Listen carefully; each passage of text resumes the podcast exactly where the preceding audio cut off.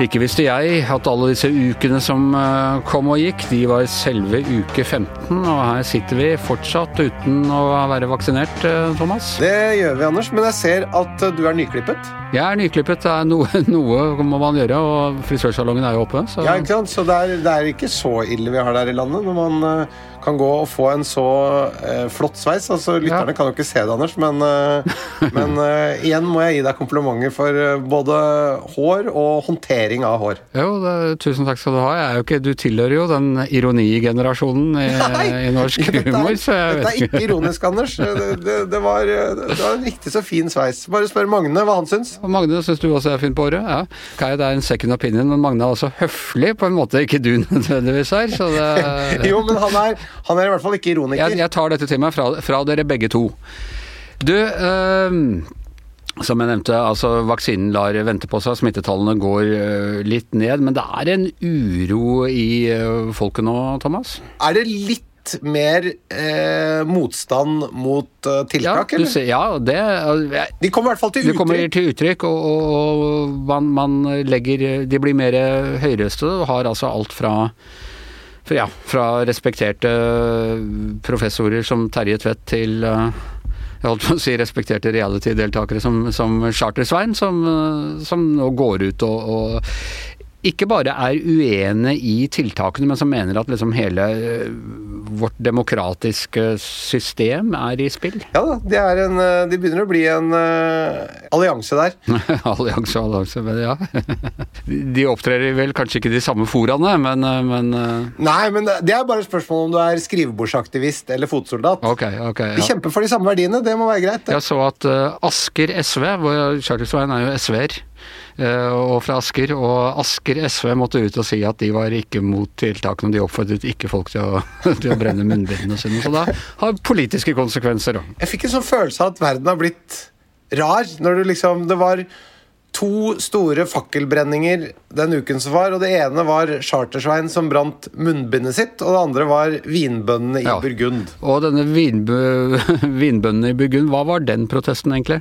Nei, Det er ikke en protest. De, det er rett og slett bare et forsøk på å redde eh, vinstokkene. altså Fordi at det kom frost, og da eh, setter man ut fakler for, å, for at ikke frosten skal ødelegge de første knoppene som kommer nå. Ok, Så det hadde ikke noe med, hadde ikke noe med pandemien å gjøre i det hele tatt? Altså. Nei, nei, det er en veldig sånn eh, reell eh, Man kan godt tulle med det, og sånn, men det er en veldig reell trussel for deres livsgrunnlag. Da, for at eh, Hvis ikke du får noe frukt på de vinplantene, så blir det ikke noe vin, og da blir det ikke noe inntekter. Det er det de lever av. Jeg syns det var et fint øyeblikk her, Thomas. For første gang så følte jeg at vi var inne på et punkt hvor du du mener også at det er ting som er for alvorlig til å tøyse med her i verden? jo, men altså, på samme måte som at hvis det var noe som truet um kyrnes spener, som gjorde melkingen problematisk, så er det klart det, det ville blitt uh, alvorlig for meg. Jeg ville ikke tullet med det. Da ville jeg sagt at uh, dette truer livsgrunnlaget til norske bønder, og det må vi ta alvorlig. Det er sånn jeg ville håndtert det. Tror du at de nye, unge, kyniske humoristene at de ville tulla med den der vindbrenningen i, i Burgund? For jeg har inntrykk av at de har liksom ikke respekt for noe.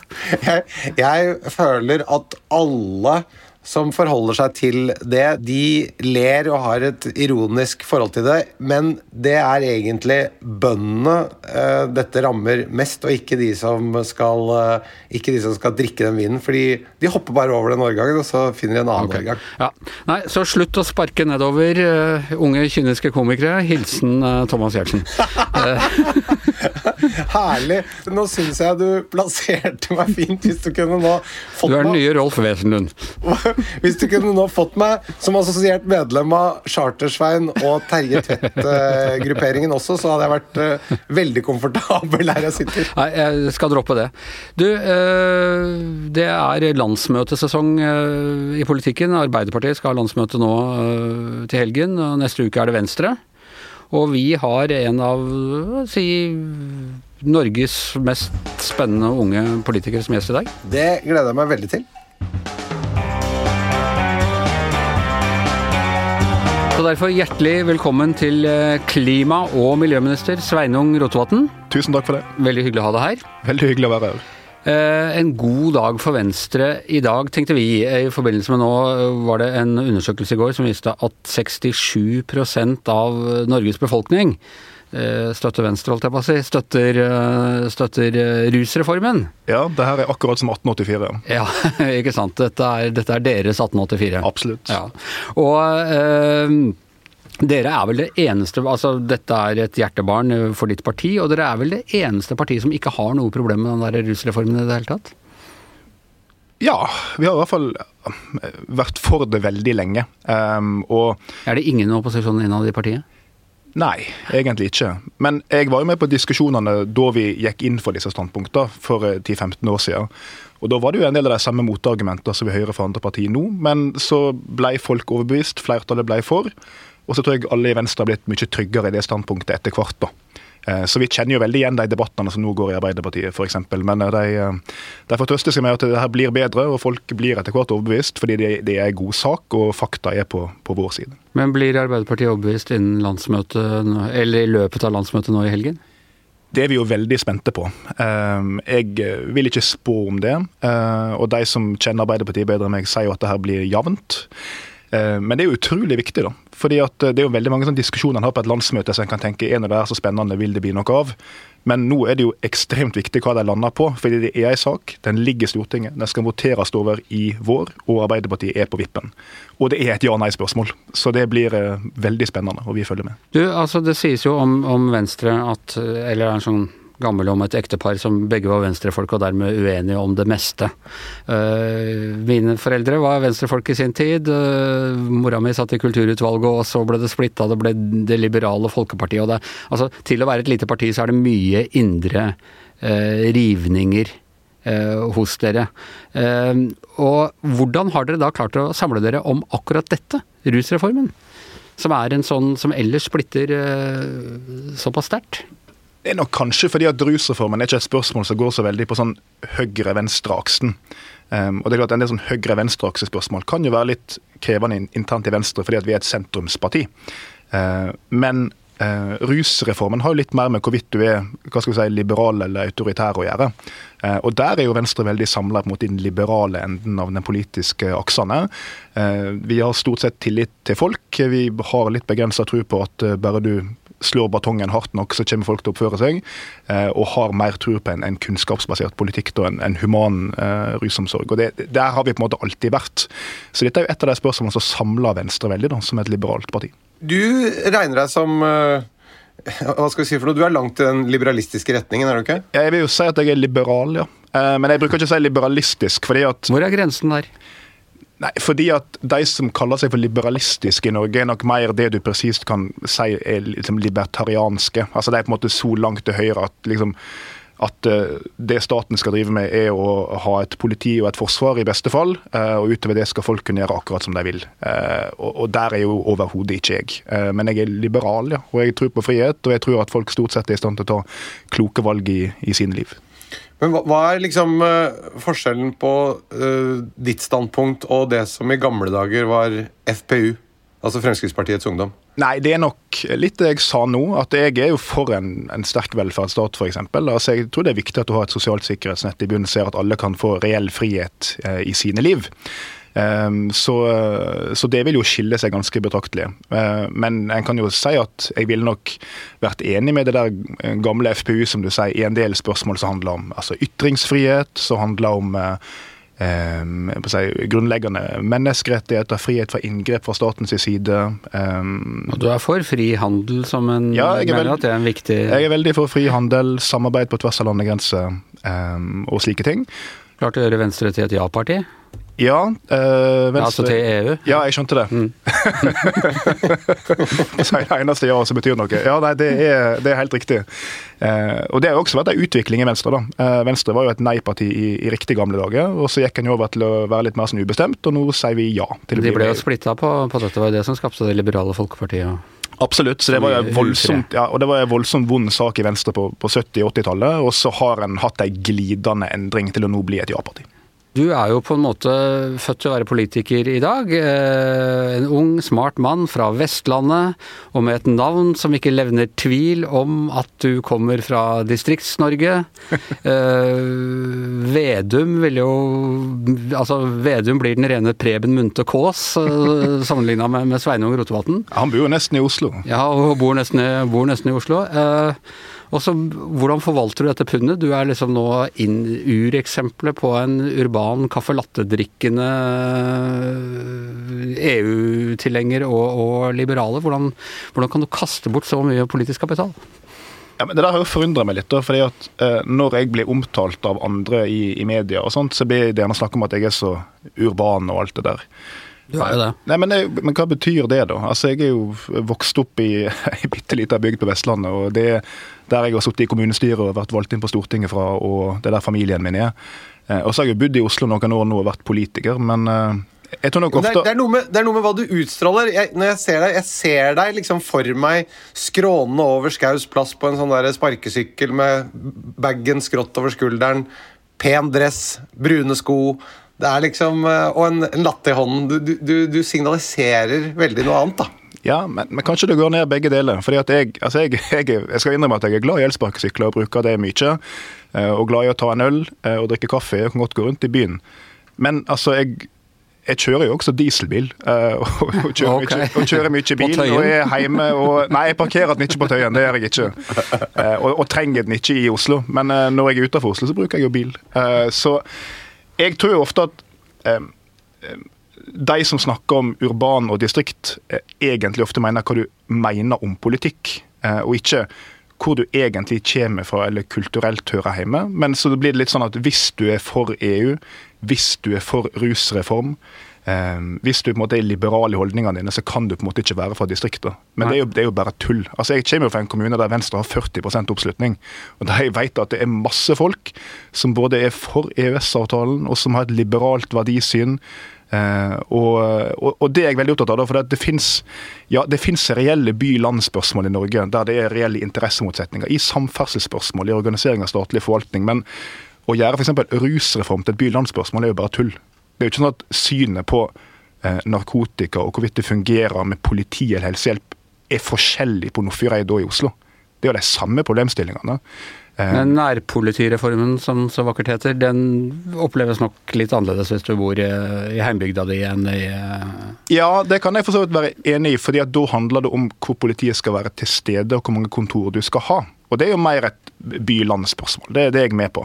Men hvorvidt det skal være straffbart å gjøre det ene eller det andre, er jo ikke et sentrum-periferi-spørsmål. Det er jo et eh, ideologisk spørsmål, et praktisk spørsmål. Eh, så jeg er, jeg er, med på at det er distriktsspørsmål i Norge, og at det er en reell akse. Men du må ikke drive og dytte alt inn i det. For jeg, klart sånn Senterpartiet og sånt vil jo gjerne gjøre det, men det er jo fordi at Senterpartiet er et grunnleggende konservativt parti, som vil at alt som skal være et by-land-spørsmål, er liksom konservativ-liberal.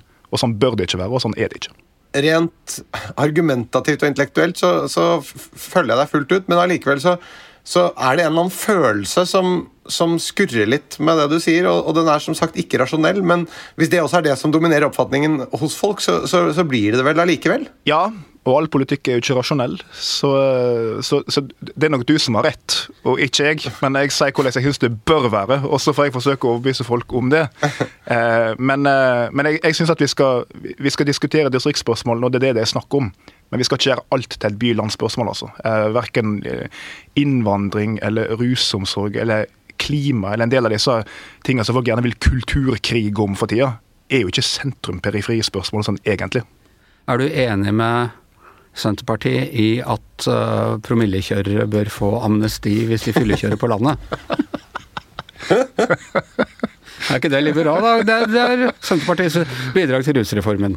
Ja, øh, ja, det er Senterpartiets bidrag til rusreformen. Det er helt riktig. Skal putte folk i fengsel for å røyke hasj og slippe dem ut av fengsel hvis de fyllekjører. Ja. Uh, Nei, selvfølgelig ikke. Og, men, men, det er jo et veldig Det går litt til kjernen i ideologi, da. For jeg syns at folk skal få lov til å være i fred eh, og ha frihet så lenge de, de ikke går ut av andre. Men jeg skal love deg det at å sette deg bak rattet i ei drapsmaskin etter å ha drukket en flaske vin, det kan i høyeste grad gå utover andre. Og det bør være straffbart. Ok, ok. Det er greit vi fikk dette avklart. Du, eh, for ett år siden på denne tiden så var du eh, en av to favoritter, og du var vel den største favoritten til å bli eh, leder i Venstre. Hun som nå er leder, hun var langt mindre profilert. Og så var det en lang uh, sak som jeg tror du må nesten ha vært politisk journalist eller medlem av sentralstyret i Venstre for å få helt med deg. Men du og Abid Raja hadde en eller annen deal med Trine Skei Grande. Hva var det der for noe? Det tror jeg du må spørre de som skrev den saka om. Nei, vi har ikke hatt noen deal med noen. Um, en det... deal om at dere ikke skulle rykke ut mot henne og mot at dere fikk ministerposter, var det ikke et eller annet sånt? Det ble jo spekulert i det, men altså, når du blir, eh, når du blir spurt om å være statsråd eh, av eh, partilederen din og statsministeren, så handler jo det om hvorvidt du kan gjøre den jobben, å være statsråd. Og det er ikke gjenstand for noe deal om det ene og det andre. Så jeg var glad for å få muligheten til å bli det. Så det er bare funnet på, hele den saken der? altså Det er fake news? Altså, jeg vet ikke hva kilder de som skrev den saka hadde og ikke hadde, men det det her handler om, er jo at en spør folk om de har lyst til å gjøre en jobb, og jeg sa ja til det. Eh, og så har jeg jo også, etter at jeg ble spurt om å være klima- og miljøminister, stilt meg til disposisjon som leder for Venstre og vært med i en diskusjon om det. Og hadde lyst til å bli det, eh, men så ville partiet helst ha en annen leder. Eh, og hun syns jeg har gjort en svært god jobb som leder i Venstre, så det fungerer veldig bra. Bare så jeg skjønner helt sikkert, for det, det var feil, den saken. Altså, den saka var basert på masse anonyme kilder om folk som mente å vite det ene og det andre. Og Jeg kunne selvfølgelig sittet der og sagt hva jeg og Trine snakka om da hun spurte om jeg ville bli statsråd, men det har ikke jeg tenkt å gjøre. Fordi den typen samtale er jo mellom, mellom oss, selvfølgelig. Dere hadde jo sånn, dere gikk ut med sånn litt sånn uh, parterapi, uh, du, og, du og Abid og Raja og, og Trine Skei Grande? Nei, det var jeg og Abid og Guri som gjorde det. Oh, ja, var det, det? Ja, og det var rett før landsmøtet vårt. Uh, og altså, Grunnen til at vi gjorde det, det var rett og slett for å vise litt folk hvordan ting egentlig er. Fordi du vet, Når du står i en sånn diskusjon om skal han bli leder, eller skal hun bli det, eller skal han bli det, så for, det, det, blir jo ekstremt polarisert. ikke sant? For Da skal du forsterke forskjellene mellom hverandre, noe helt enormt. Eh, og så sitter jo folk der ute og tror, sikkert også partimedlemmer, at de må jo være skikkelige fiender og rivaler og sånt. Eh, og så er jo ikke det sant. For vi, var jo gode venner alle tre hele tida og møttes jo daglig og jobba godt i lag. Så poenget med å lage denne filmen det var å, vise folk nettopp det. At eh, ja, vi har konkurrert om et partilederverv. Men det er ikke slik at her er det noe dype sår at vi ikke jobber godt i lag, for det gjør vi faktisk. Men du, da må jeg, jeg spørre deg, fordi du sier at uh, man snakker om å forsterke forskjeller. men er det mulig å forsterke forskjeller i typer mer enn det som reelt er på deg og Abid Raja f.eks.? Ja, det tror jeg er veldig mulig å gjøre. Så du mener at dere, du er egentlig mye likere enn han enn det vi får inntrykk av? Jeg tror i hvert fall vi er mye mer enige om politikk for eksempel, da, enn en kan få inntrykk av. Det, det kan jeg skjønne, men, men ja. sånn, for meg så fremstår dere som veldig forskjellige personer. Ja, vi, vi er det. Uh, men uh, en kunne jo f.eks. få inntrykk av at liksom altså, jeg var en person som bare hadde byperspektivet og, og har liksom den som dere sier, urbane tilnærmingen til politikk, mens Abid Raja bare har distriktsperspektivet, altså hele landet. Og så er nok sannheten at vi begge klarer å se ganske mye. ikke sant? Jeg er eh, født og oppvokst på bygda, har flytta til Oslo. Eh, Abid er født og oppvokst i Oslo, men har også vært mye rundt i Norge. Så jeg tror den typen ting da, så er vi mye likere i sum enn det en kunne få inntrykk av. Men altså, at jeg og Abid er forskjellige personlighetstyper, eh, det tror jeg ikke noen trenger å lure på. jeg må jo si det, jeg er vokst opp på bygda sjøl. Jeg må nok si at Abid var mer representativ for de gutta jeg vokste opp med, enn en det kanskje du er. Østlendinger begge to, vet du. Ja, ikke sant. Det, det må være det. Ehm, du, eh, du, hadde da, altså da det var snakk om deg som leder og, og i det hele tatt snakket om ambisjonene, så, så hadde du ambisjon om å gjøre Venstre til et 10 %-parti, tror jeg du uttalte? Uh, og så har det da kommet, og dette er ikke bare fra deg, men fra, fra venstrefolk jeg gikk gjennom her og, og, så. altså Først så var problemet at dere bare var støtteparti uh, uh, for regjeringen, og da sto dere i skyggen for regjeringen og, og sånn. og så kom dere med i regjeringen, og Jeløya-erklæringen ble erklært som en seier og sånne ting, og så skjedde ingenting, og da var det Fremskrittspartiet som ødela. Og så har dere etter det også skifta partiledelse, og fremdeles så er dere ganske langt fra å være et uh, eh, 10 %-parti. Eh, dere kjemper liksom å bli, som uh, Andreas Humpland skrev, å, bli større enn deres egen uh, feilmargin. Hva er det som egentlig skal til? Hva, hvorfor, det, hvorfor skjer det ikke mer med Venstre? Jeg tror jo alt det du sier er litt av forklaringa, kanskje. da, Nettopp at det har det, har skjedd veldig mye de siste åra. Eh, du har skifta partileding, du har vært ute av regjering, du har gått inn i regjering som så har skifta sammensetning.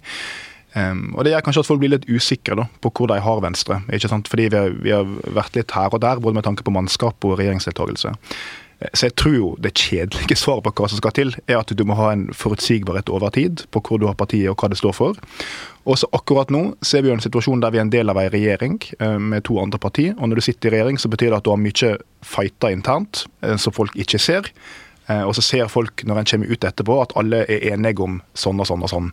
Så det som alltid er utfordring for et regjeringsparti, enten det heter SV i den rød-grønne regjeringa eller oss i denne, er å vise hvorfor vi er en viktig forskjell i det regjeringssamarbeidet.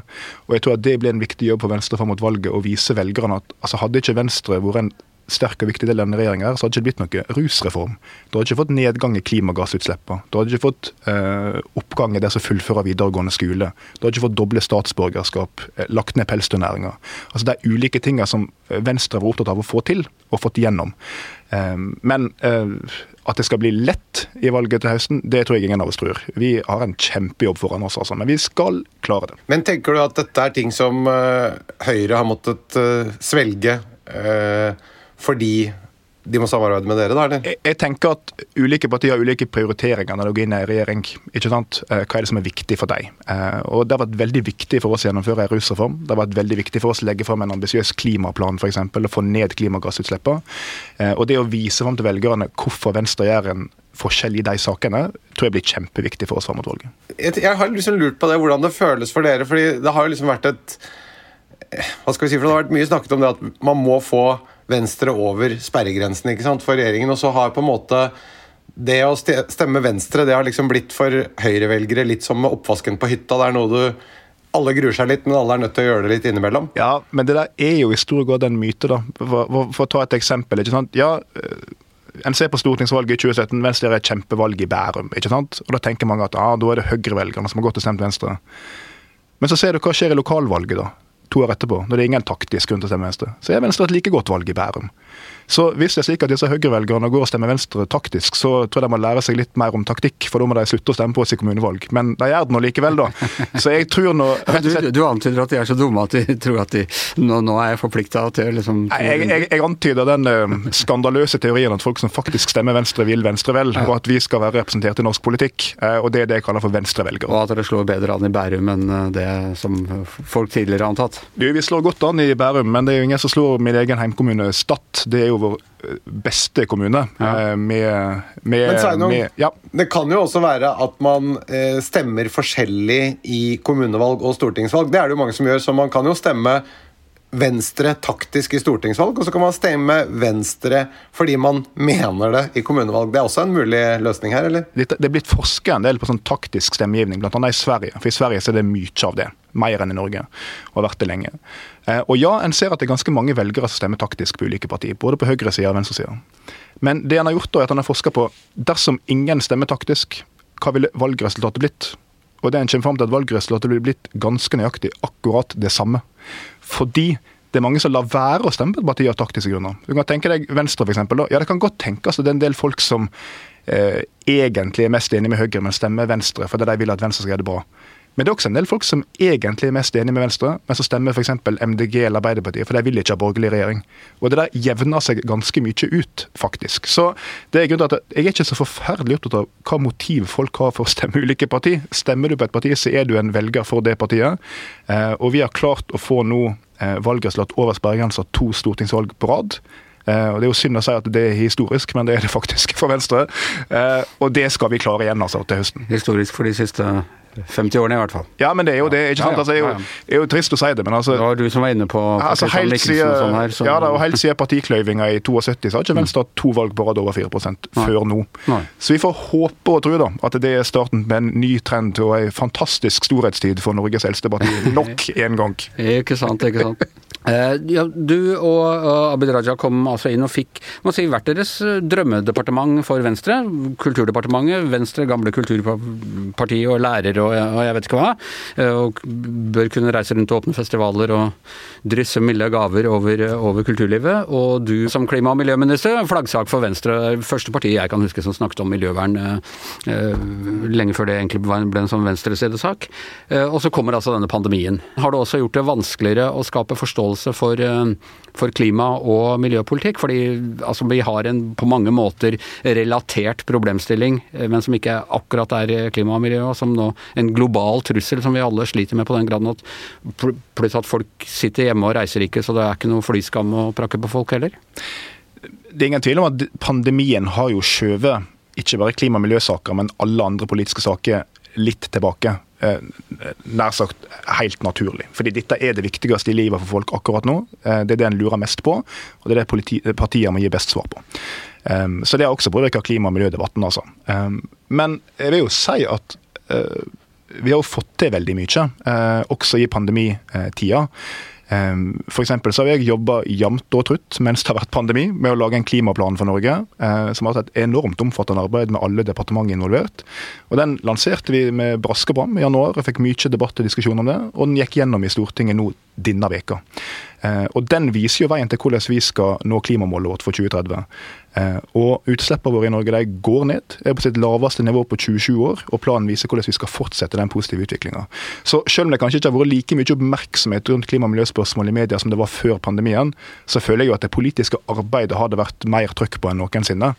Og så tror jeg også da eh, at når folk etter hvert blir litt mindre opptatt av pandemi, og det får vi tro at de blir etter hvert som vi kommer ut av denne forbanna pandemien, det er jo målet her, så vil jeg nok tenke litt mer på ok, men når jeg nå skal stemme valget til høsten, skal jeg jo ikke stemme over pandemihåndteringen de neste fire åra. Det får vi virkelig unngå. Men på eh, arbeidslivspolitikk, helsepolitikk og klima- og miljøpolitikk. Eh, og selv om vi nå skal håndtere en veldig kortsiktig krise, som den pandemien er, så har vi fortsatt en veldig langsiktig krise som ikke har blitt noe mindre alvorlig, og det er eh, klimakrisa. Det som er veldig bra, da, bare for å løfte blikket litt, er at en kunne jo tenke seg at når pandemien er så dominerende politisk, så forlater alle politikere og viktige land klimapolitikken og gjør ikke noe. Eh, men det motsatte har jo skjedd. For det som har skjedd, er jo hva da? Jo, USA har gått tilbake i Parisavtalen. EU har lagt fram European Green Deal. Kina har lansert nye og ambisiøse klimamål. Så globalt nå så er det ikke noe tegn på at klimakampen har blitt noe mindre viktig, heldigvis. Eh, og det viser jo om ikke annet at en del av eh, statslederne rundt omkring faktisk klarer å ha flere tanker i hodet på en gang. Men jeg snakket med en eiendomsutvikler som driver med grønn eh, boligutvikling i Stor-Oslo. Og eh, da forsto jeg det at bolig, altså byggebransjen står for enormt mye mer eh, klimagassutslipp enn f.eks. flytrafikken. Som jeg trodde liksom var det vi alle måtte passe på. Men oppussing og sånn, det er jo noe som vi driver ganske eh, flittig med her, og har gjort enda mer under pandemien. Så det som har gått ned i flytrafikk, må vel da bli tatt igjen i ganske rikt monn på oppussing og, og, boligbygging? da. Vi mangler jo litt tall enda fra fjoråret på hva som skjedde med klimagassutslippene. Men det har kommet noen anslag eh, som viser at globalt har nok utslippene gått ned med en, ja, 7 kanskje i fjor. Eh, og Det sier jo først og fremst noe om hvor lite av klimagassutslippene som kommer fra der vi tror de kommer fra. Eh, fordi ikke sant, veldig mange, Hvis du spør mannen på gata spør han, hva er det mest klimagassutslipp fra, hadde han sikkert svart bil og fly. Uh, og, jeg ville svart det. Ja, de fleste ville sagt det. Og Nå har altså flybransjen stått stille i praksis i et år. Det har vært mye mindre trafikk enn vanlig. Og ja, det fører til en nedgang, men en ganske liten nedgang. Fordi hemmeligheten er jo at de største klimagassutslippene kommer fra helt andre ting, også i Norge. Matproduksjon. altså tenk, Norsk landbruk har 8,5% av norske klimagassutslipp. Flybransjen har 2,3 Um, bygg, anlegg er helt riktig, Thomas. Det er en svær kilde til utslipp. Industri. ikke sant? Vi glemmer jo av og til industrien, men for å ta et veldig praktisk eksempel. da. En kommune som Oslo, uh, Norges største by, uh, har uh, årlige klimagassutslipp på ca. 1 million tonn CO2. En kommune som Alver, som er en distriktskommune i Hordaland med 20 000 innbyggere, eller noe sånt, har altså over dobbelt så høye klimagassutslipp som Oslo. Og hvorfor det? Fordi de har industri. Det er enorme utslipp fra industri. Så det er lett å glemme den typen ting. da. Eh, og det, Jeg sier ikke at folk bare skal fly i vei og ikke kjøpe elbiler, og sånt, for det er viktig det òg. Men de store utslippene de kommer fra andre kilder. Eh, så Derfor så må vi gjøre alt det vi skal gjøre da, for å kutte utslippene, ikke bare fra biler, men fra industri, fra landbruk, fra bygg og anlegg. Går det an å peke på noe politisk, noe i politikken eh, som Er det noen av partiene som, som villeder oss, tenker du? Nei, nå sitter jeg og lurer på skal jeg skylde på media. Eh, Kom igjen. jeg tror kanskje jeg skal driste meg til å gjøre det. The usual suspects. Nei, men altså, men du kan svare da, Anders. Altså, hvis jeg tar kontakt med en VG-journalist og sier du, jeg har en sak som handler om norsk industri og jordbruk, om klima, vil dere skrive den? Tror dere det er mer interessert i å skrive om det, eller at jeg skal si noe om kjøtt og bil og fly? Eh, Men poenget er jo at media ønsker å skrive om ting som er nært folk, ikke sant? Eh, som folk kan relatere seg til. Og det folk kan relatere seg til, er ting i sin egen hverdag, og det er hvordan vi reiser og hva vi spiser. En oppussing, da. Ja, men det som er med oppussing, da, er at det er ikke nødvendigvis så veldig høye utslipp knytta til det i Norge, men det er veldig høye utslipp knytta til produksjonen av sement, eh, produksjonen av jern, altså alt det som går inn i bygget. Men, og Noe av det blir produsert i Norge, men mye av det er jo fra utlandet. Burde man kanskje styre politikken inn på de store og mer overordnede grepene som faktisk gjør en større forskjell, og som ikke nødvendigvis i samme grad er eh, det som en del folk oppfatter som litt plagsomt. da. For eksempel, eh, det er jo ikke alle som vil ha alle de sykkelstiene i Oslo. og Hvis det er så liten betydning reelt sett, så burde man kanskje konsentrere seg om litt andre ting eksempelvis? da? Ja, altså Jeg prøver i hvert fall å ikke drive med klimapolitikk som, som folk oppfatter som plagsomt, som du sier. da. Altså Fordi I hvert fall ikke unødvendig. Uh, og, og jeg, jeg, er ikke glad i sånn begrep som flyskam og sånt. Uh, jeg tenker at folk får ta valget i sine liv. Om de vet en biff på lørdagen og fly til Bergen på tirsdagen, så, så får de nå gjøre det. Men uh, men en del av det vi gjør eh, på, på, på folks liv, har jo en del å si i sum. da. Altså for Det at folk nå skifter til elbiler, og det skiftet skjer nå veldig raskt, det har reell betydning når så mange gjør det til sammen. Eh, så vi skal fortsette med det. Og så skal vi ikke glemme at når vi f.eks. investerer i eh, karbonfangst og -lagring, ikke sant? det vi nå gjort, skal bruke milliarder på det, skal rense utslippene fra Norcem sin fabrikk ned i Porsgrunn, sementfabrikk, det kutter jo 400 000 tonn CO2 eh, som er helt enormt. Det tilsvarer utslipp for 200 000 biler. Så eh, vi må på en måte gjøre begge deler, rett og slett. For dette, eh, klimapolitikken er dessverre ikke sånn at vi kan velge oss én ting, én sektor, og gjøre det. For det vil ikke være nok. Alt må ned, alle må bidra. Og det verste jeg vet, det er alle de folka som snakker om at det jeg gjør Eh, det betyr ikke så masse for å se på han andre. Eller det min fabrikk gjør, betyr ikke så masse for å se på den større fabrikken. Det mitt land gjør, betyr ikke så masse for å se på det større landet. Og for det alle de har rett. Det er riktig, det. Det finnes alltid noen som er verre enn deg. Men selv om det går til de som slipper ut mest, Kina, verdens største utslippsnasjon, om de kutter til null, så er ikke det nok heller. For de, ikke de er store nok. Så poenget er bare at det her er noe så kjedelig som en god gammeldags dugnad. Alle må være med, Alt betyr noe. Og så er det selvfølgelig noen utslippskilder som vi må ha ekstra fokus på. Det er jeg enig i, og så må vi passe på å spa på den største haugen først. Det er ikke noe vits i å stå på dugnaden at vi står og pynter på fire blader borti hjørnet og liksom rokerer dem litt om. Det er kanskje ikke så viktig, det tar vi helt til slutt når vi skal ta finishen. Er ikke det greit, da? Du skal få lov til å gjøre det, eh, både i den vanlige dugnaden og i klimadugnaden. Så eh, velger kanskje noen annerledes. Vi får se. Så, men nå skal vi tilbake til kantklippinga på dugnaden her, og det er å putte penger inn i økonomien. Det er jo du som, som liberal tilhenger av frihandel og sånn går jeg ut fra også opptatt av. Absolutt. Så vi lurer på om du har kjøpt noe den siste tiden. det er, vi vet jo at det er vanskelig å kjøpe ting annet, men utover matvarer og sånn, som, eh, som kan bidra til å få hjula i gang igjen? Ja, um, det er jo forferdelig vanskelig å kjøpe ting for tida, da. Uh, men jeg har faktisk kjøpt en ting. Uh, som beviser at papiraviser lever. Ja, bra. For jeg har gjort noe så gammeldags som at jeg har gått på ei annonse i ei papiravis for et produkt. Okay. Jeg tror det var Aftenposten eller BT eller noe sånt. Det var helsides annonse for en sånn eh, osteoppbevaringsboks. Eh, en sånn osteklokke, egentlig, da, som du putter brunosten eller gulosten nedi. Og så er det sånn dispenser under som liksom dytter opp, slik at du får dytta opp osten etter hvert så du høvler den ned. Og så er det sånn lokk oppå. Okay. Som gjør at du slipper å ha osten i en sånn eh, pose eller i emballasjen sin. da. Er den sånn tett inntil osten? Ja, ja, helt tett inntil okay. osten. Og så jeg tenkte bare det her er jo det jeg har lett etter. Ja. Så da satte jeg i gang og bestilte to av den. Okay. En til brunosten og en til gulosten på nett. Fikk levert i posten. Eh, og er strålende fornøyd. Men du, ja, så bra. det hørtes jo Men jeg må bare spørre, er det sånn at den Eh, altså For at den skal sitte helt tett inntil osten, hvordan, hvordan, løser du når det er forskjellige former på osten? da? Nei, De, de påstår, da, og det har også stemt etter min erfaring, at den passer til alle sånne oster i butikken. For det har nok med om du setter den på høykant eller andre kanten. Men alle er på en måte smale nok til at det skal gå. Så all sånn standard brunost og gulost kan du stappe ned den der, og den sitter tett. Eh, og jeg har brukt den nesten ei uke nå, og er kjempefornøyd med det produktet. Men er den, er den estetisk eh, pen å se på, for oss som eh, tenker på det òg? Ja, den er akseptabel å se på. Det eneste trekket ned er at det er en ganske stor logo på den. Og den heter jo jeg Skal vi se hva den heter. Den heter jo den heter noe så cheesy som Easy Cheese. Easy cheese. Og den logoen er litt, litt for stor, men eh, bortsett fra det så syns jeg at den ser grei ut. Så jeg får bare snu den riktig vei. hvilket, materiale er den eh, laget i? Den er laga i plast. Den er laget i plast. ja. Altså, plast og easy cheesy, det Ok, jeg skjønner.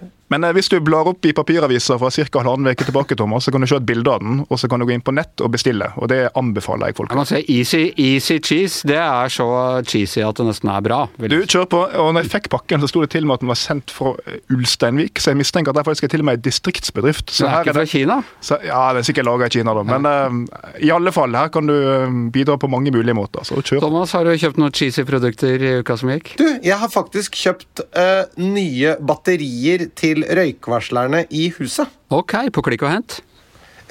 nei, jeg, eh, jo, det er jo egentlig klikk og hent, ja. Fordi Nei, klikk og få levert. Ja. De, de, jeg bare fikk en melding fra alarmselskapet om at nå er batteriene eh, gått ut. Du må trykke her for å kjøpe nye, og så bare trykke, og så eh, kommer de på døra. Og nå driver de faktisk også og maser på meg om at vi ser at du ikke har byttet batteriene. Du må gjøre det. ja. Hm. Så jeg er rett og slett som å ha fått en sånn eh, Jeg er føler så- meg som en sånn tenåringsgutt som nå faren min er inne og sier fra til meg hele tiden. Sånn, du, nå har jeg levert deg de batteriene, nå må du bytte dem. Du som nesten ikke tør å google fordi du er redd for at Google skal, skal finne ut ting om deg. Du, du har nå et vaktselskap som liksom er helt inne på soverommet ditt. De, de er det. De, de kommenterte også at det har vært lite, vært lite sex i forholdet. Men det, det det har vi ikke noe med. Men eh, Det er en, de sak legger seg mellom, veldig oppi alt. det er en sak mellom deg og kona di, og det tar ikke du ut i offentlighet. Hva Anders, du, da? Nei, jeg har eh, bare hatt frustrerende handling nå. Eh, Alle skryter jo sånn av dette klikk og hent-greiene, men her skal, jeg, her skal jeg vise baksiden av klikk og hent-medaljen. Det var at jeg trengte Jeg har, jeg har en sånn eh, jeg har en sånn greie som henger på nøkkelen som gjør at hvis jeg får lagt nøkkelen, så kan jeg trykke på et eller annet på mobiltelefonen, og så spiller det en liten trudelutt, og så hører jeg hvor jeg har lagt det. Det batteriet har nå over lengre tid truet med å gå ut, og det spiller noen egne trudelutter. Så øh, spesiell form for batteri. øh, googler, finner ut. øh, Claes Olsson, klikk og hent. Drar der, står i en kø i 20 minutter i sånn regnslappsnøvær for å få den. Og så får jeg den utlevert, og så kommer jeg hjem, og så passer ikke det batteriet. så da må jeg stå i, i kø en gang til på klikk og hent på Claes Olsson. Og dette er jo sånn klikk og hent-problematikk. Du kan ikke si til Selv om jeg, jeg, jeg hadde bange anelser allerede da hun utleverte at dette batteriet passer ikke, det er for stort, her har det skjedd en feil. Men allikevel må du da gå hjem og lage en ny klikk og hent-deal for, for å bytte det, da. Ok, eh, nei, men eh, med det så, så tror jeg vi erklærer eh, Gjertsen over for i dag. Tusen takk til Sveinung Rotevatn for at, at du ville komme. Hjemmestudio, Thomas Gjertsen. Jeg heter Anders Giæver, og vår produsent som klikker og henter fram opptaket og gjør det til noe vi kan sende ut til dere, er som vanlig vår produsent Magne Antonsen.